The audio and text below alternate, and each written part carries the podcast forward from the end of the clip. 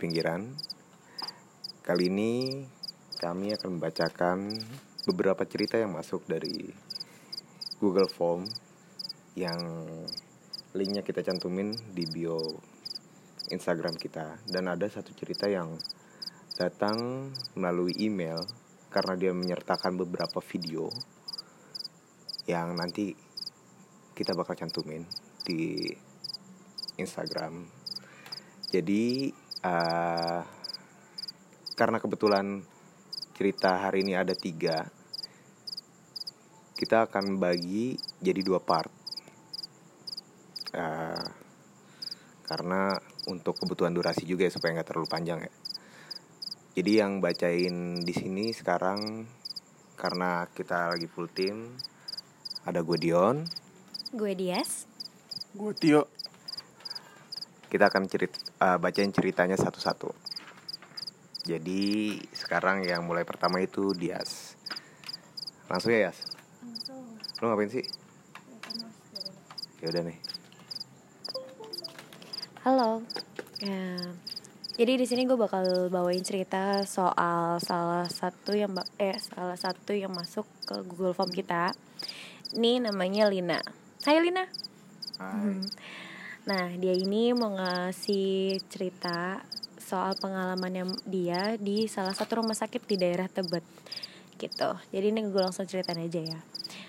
Um, jadi beberapa bulan yang lalu, tepatnya di bulan April, aku masuk ke uh, rumah sakit karena tipes.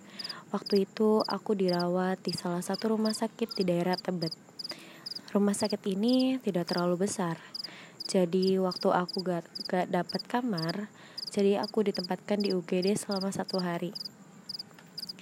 Satu hari satu malam sambil nunggu kamar yang kosong. Di UGD tersebut ada empat bed yang tersedia dan semuanya terisi. Aku kebetulan berada di bed ketiga. Di kanan dan kiriku diisi oleh bapak-bapak yang sudah cukup tua. Terlebih lagi bapak yang di bed 4 yang sedari tadi tidak berhenti batuk. Karena pandemi, aku lumayan takut keadaan aku sendiri. Karena kondisi lagi gak fit dan jarak dan dari jarak aku ke si bapak benar-benar bersebelahan. Jadi waktu jadi lumayan waktu takut waktu itu. Hari itu aku putuskan buat beristirahat saja. Benar-benar gak pegang HP dan cuma tidur aja. Ibu aku yang jagain aku benar-benar ada di samping aku selama 24 jam. Sampai pada akhirnya ibu aku mau pulang dulu ke rumah karena ada satu hal yang gak bisa ditinggalkan. Aku bilang ke ibu buat tinggalin aku sendiri di RS gak apa-apa. Karena aku sebenarnya udah biasa keluar masuk rumah sakit. Jadi udah gak kaget akhirnya ibu aku pulang dan tinggal aku sendirian di sana. Waktu itu aku sudah menuju waktu itu waktu itu waktu sudah menunjukkan pukul 11 malam. Karena dari siang aku tidur terus jadi malamnya aku nggak bisa tidur. Bapak di bed nomor 4 masih tidak selesai-selesai juga batuknya. Bapak di bed nomor 3 kayaknya udah tidur karena nggak ada suara Akhirnya aku putuskan buat buka-buka Instagram dan Whatsappan dengan pacarku. Pas aku lagi Whatsappan, tiba-tiba si bapak di bed nomor 4 tangannya kayak coba buat meraih tirai yang jadi batas bed kami. Bapak itu terlihat kesakitan, seperti minta tolong. Karena si bapak kayaknya kesakitan banget, akhirnya aku inisiatif kak buat mencet tombol untuk panggil suster ke ruangan. Pas suster datang, aku bilang ke susternya kalau si bapak di bed 4 lagi kesakitan. Kayak minta tolong gitu. Akhirnya si suster ke bed 4 dan gak tahu kenapa dia tahu-tahu balik lagi dan langsung keluar dari UGD. Aku kayak bodo amat gitu sih. Tapi si bapak ini kayaknya benar-benar kesakitan gitu. Akhirnya aku coba bangun dan buka hordeng pembatas itu. Ternyata si bapak ini adalah kakek-kakek yang telanjang dada dengan tulang yang hanya terbalut kulit. Seperti tidak ada dagingnya. Aku coba tanya ke dia kak, kakek butuh apa? Apa yang sakit? Dia cuma diam, ngejawab, tapi masih kesakitan gitu. Ngerintih-ngerintih, Ngerintih-ngerintih, akhirnya aku coba tanya lagi kak karena kesakitan, karena kasihan. Aku tanya kakek apa yang sakit, dadanya sesak. Tapi dia nggak jawab juga kak, masih merintih gitu. Tapi tangannya coba buat meraih tangan aku sambil gemeter. Pas dipegang, pas dia pegang tangan aku, itu tangannya benar-benar dingin, kayak daging yang baru keluar dari kulkas kayak apa tuh? Beku banget ya berarti? Dingin banget tuh. Nah uh, dingin banget. Dia tuh kayak mau ngomong gitu kak. Sambil terbata-bata dia nanya ke aku dengan pelan dan lirih aku kenapa keluarga saya tidak ada yang datang? Saya sudah dikuburkan sejak lama tapi keluarga saya tidak ada yang datang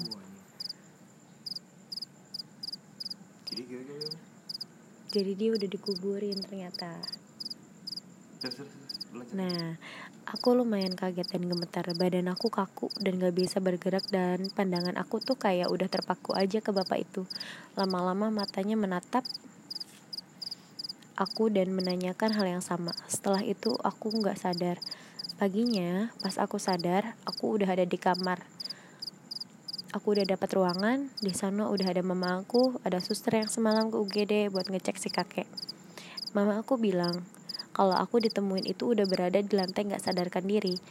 Gak lama si suster nanya ke aku mbak mbak semalam ketemu sama si kakek ya? Aku yang heran cuman bilang iya. Karena aku bener-bener ketemu sama si kakek yang aneh itu dan akhirnya suster menjelaskan semuanya. Katanya kakek itu sebenarnya memang sudah meninggal lama sudah lama meninggal. Kira-kira sudah sekitar empat tahun yang lalu. Hmm. meninggal. Berarti yang ditemuin mayat ya? Meninggal tepat di bed 4 dan meninggalnya karena sesak dan gak bisa bernafas kata suster itu. Si kakek memang sering menampakkan dirinya di sana. Mungkin masih mencari keluarganya saat dibawa ke rumah sakit tersebut, dia memang sudah tidak ada identitas dan saat ditanyakan si kakek tersebut tidak menjawab apa-apa. Karena nggak ada identitas gitu, dia akhirnya dikuburkan oleh palang merah, palang hitam di pemah palang hitam di pemakaman orang yang tidak beridentitas. Jadi dari kemarin yang ada di sebelah aku itu ternyata orang yang sudah meninggal 4 tahun yang lalu. Wow. Plot twist. Tara, tara terus? Segitu aja sih katanya ceritanya. Nah kita bakal next bakal ceritain lagi part berikutnya oleh Dion apa Tio nih? Dion ayo berdua. Dion sama uh, bakal dibawain sama si Dion. Lanjut. Oke coba. Uh, cerita selanjutnya gue yang bawain gue yang bacain coba. Uh, bentar bentar tapi tadi serem juga ya. Berarti selama dia dirawat di UGD dia itu sebelahan sama ya hilang. Jadi dia selama di UGD itu dia bener-bener demer eh demer bener-bener sebelahan sama si kakek yang udah meninggal empat tahun lalu. empat tahun lalu bentukannya kurus cuman ada kayak tul tulang, tulang. Iya, berbalut. kulit aja gitu. Berbalut kulit anjing. Dan itu dia telanjang dada. UGD lu tau kan biasanya kan kayak dingin gitu gak sih? Iya iya iya, iya, iya. dan dia cuma telanjang dada. Iya anjing serem banget ya. Siapa tadi namanya? Dari Lina. Lina. Instagramnya ada nggak? Tadi sih dia nggak nyebutin nggak nyebutin ya? Iya. Anjing serem juga ya tadi btw uh, eh, palang hitam. Kalau yang belum tahu palang hitam itu dia uh, palang hitam itu adalah uh, apa ya? Sebuah sebuah apa sih itu pekerjaan ya? Apa sih? Sebuah pekerjaan atau jadi kalau misalnya ada orang-orang yang gak beridentitas ada orang-orang yang jasadnya ditemukan dan tidak ada identitasnya biasanya yang ngurus itu si palang, Palang hitam, hitam. itu ya kan? Mm-mm, kurang lebih kayak gitu. Jadi dia yang makamin. Dia yang makamin. Dia yang ini. ngurusin sebenarnya. Ya pokoknya dia yang ngurusin lah ya. Mm-mm. dan itu dia ada dari sejak zaman Belanda. Oh iya? Iya. Udah dari zaman Belanda si palang hitam ini? Iya. Berarti udah jadi lama banget tuh. Dia udah nguburin banyak orang yang tidak beridentitas ya? Ih anjing merinding gua apa rasanya ya? Dikuburin tanpa identitas anjing. Yang nggak tahu. Fulan bin Fulan. Yang nggak tahu gitu ya keluarganya di mana dia Iya. minta butuh doa ya kan ya. Iya pantesan si kakek tadi. Mm-mm, dia cuman kayak pengen minta ditengokin aja gitu kayaknya ya. merinding gua anjing. Oke next. Cerita kedua itu ntar ntar ini ya. Iya. cerita kedua itu dari dari anonim dari anonim. Ah, ya, nih. anonim namanya. Oh maksudnya Oh, nggak di nggak gitu mau namanya disebutin oke. Bawa tolong ke bawah Nes. Oh iya nah. Anonim tadi mana tuh?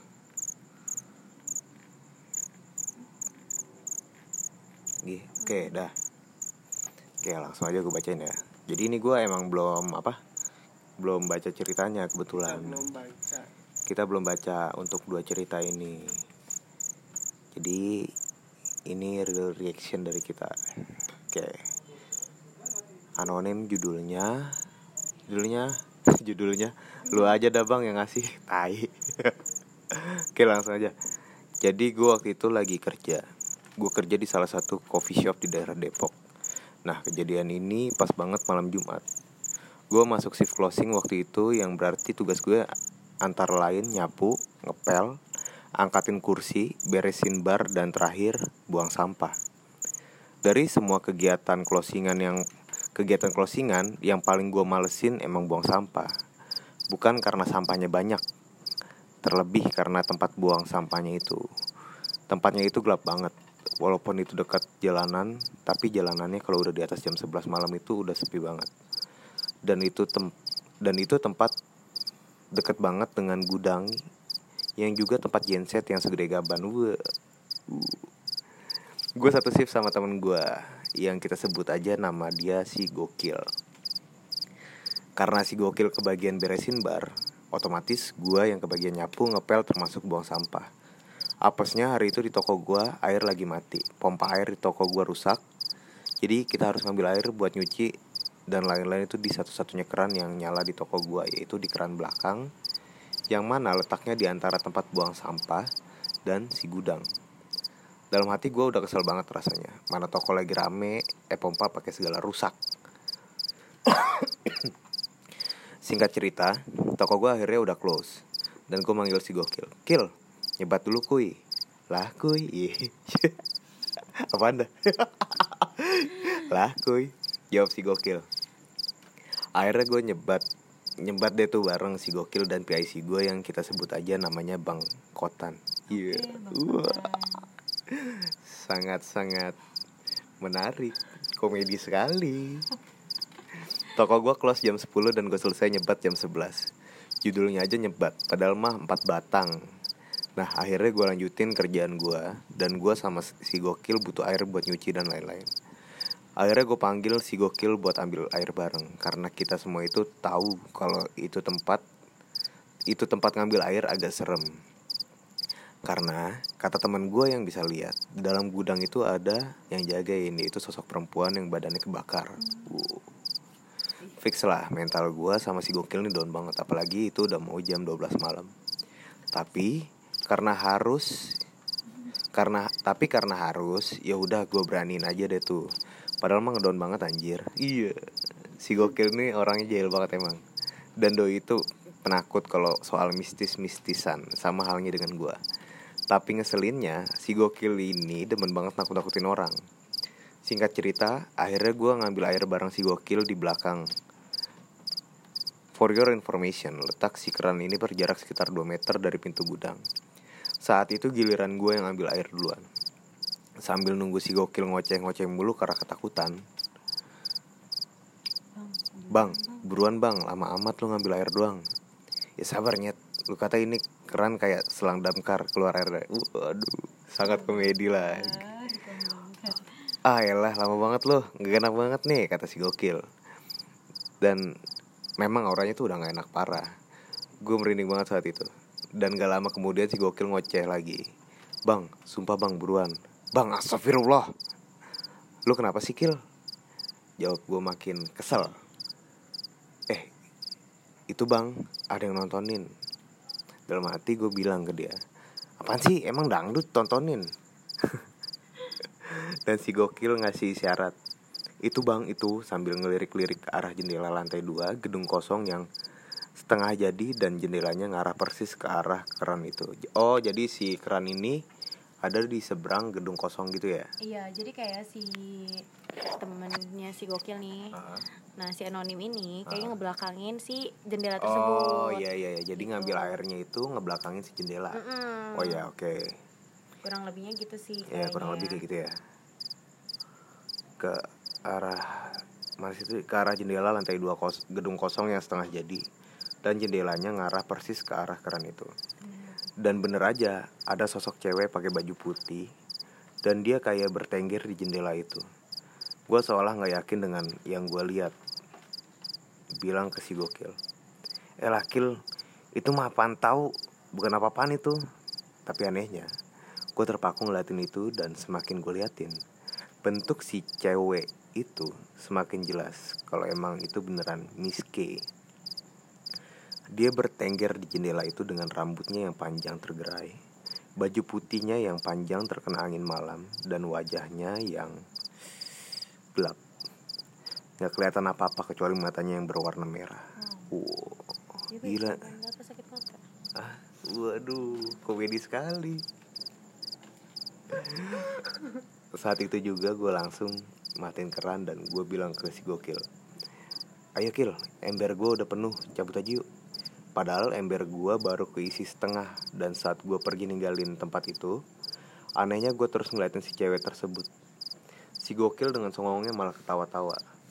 Wak wak wak wak wak. Tai banget itu cewek beraninya di jendela doang. Apaan sih nih? Gue yang masih ketakutan bilang bego lu kil. Itu setan bisa denger kan? Iya lah bang. Culun itu setan berani di situ. Kalau berani mah samperin lah deketan dikit. Gila gokil gokil eh, gokil. Gokil lah boy. gue yang males nanggepin si gokil akhirnya lanjut nyapu dan ngepel.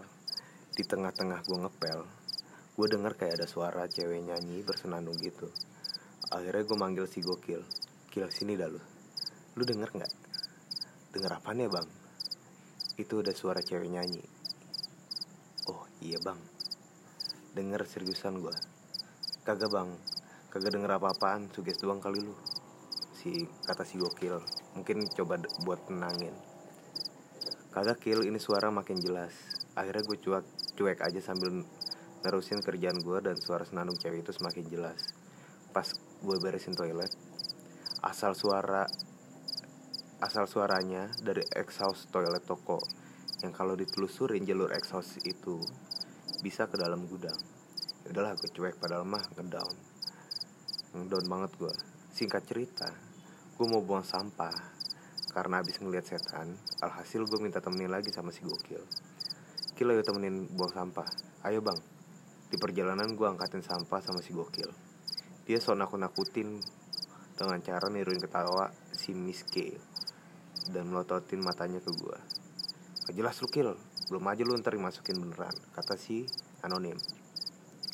Si gokil cuma ketawa-tawa karena ngelihat respon gue sesampainya di tempat buang sampah gue buanglah sampah itu. Karena tempat buang sampah itu berada di lokasi yang sama pas gue ngambil air. Si gokil bilang tuh kan bang udah nggak ada dia. Culun amat wak wak wak wak. Ya. Nantangin. Apa gue dengan ekspresi ketakutan gak nanggepin omongan si gokil. Tatapan gue terpaku sama pintu gudang yang ternyata udah ada sosok cewek yang gue lihat tadi. Dan sosok penunggu gudang yang lagi melototin si gokil oh. Kenapa nggak gokil aja lihat? Biar iya kenapa ya? malah si anonim ya? Iya cipa tuh dia. Tapi si siapa namanya si gokil kan pertama emang udah lihat. Iya sih. ya kan? Tapi dia malah makin jadi tuh. Iya karena iya. dia sosokan padahal dia takut. Iya sebenarnya dalam arti oh dia nge- ngejek-ngejek kayak ngeledek-ngeledekin Ngeledekin. kayak nutupin rasa iya takutnya bisa ya jadi bisa jadi. Heeh. wah anjing apaan nih? Gitu kan kata dia. Dalam Tapi di- lain dibikin bercanda sama dia Iya. karena dia takut. Oh iya boleh boleh boleh boleh Benar, boleh bisa jadi begitu. Oke itu dua cerita dari Lina dan Lina dan anonim. Anonim. Oh yang nggak mau disebut disebutin namanya. Oke. aja. Ya eh, karena durasinya sudah cukup panjang jadi kali ini kita stop dulu di sini. Dan next kita bakal ceritain di episode selanjutnya kita bakal ceritain tentang pengalaman seseorang yang mengirimkan ceritanya via email yang nantinya bakal dibacain oleh Tio. Jadi Terima kasih banget buat Lina sama Anonim yang udah ngirimin cerita kalian ke kami ke kita gitu. Dan buat kalian juga yang mau ngirimin vi- eh, apa cerita-cerita kalian pribadi soal mereka atau cerita soal kayak da, apa sih? Apa? kayak daerah wilayah itu. Ya kalau misalnya kalian di Punya. daerah kalian tuh ada urban legend atau cerita-cerita yang santer terdengar tentang mistis kirimin aja. Caranya kalian bisa buka profile kita. Di situ nanti ada link. Kalian klik link tersebut nanti kalian akan didirect langsung ke uh, Google Form. Nah, enggak sebelum di Google Form itu nanti kalian bakal ada tiga pilihan. Dengarkan kami. Itu nanti bakal didirect langsung ke Spotify. Yang kedua itu kirim cerita. Itu kalian akan didirect langsung ke Google Form. Dan yang ketiga itu apabila kalian mau kerjasama dengan kita kalian akan diarahkan langsung ke WhatsApp untuk menghubungi kita langsung ya jadi dengarkan tentang Mereka. mereka.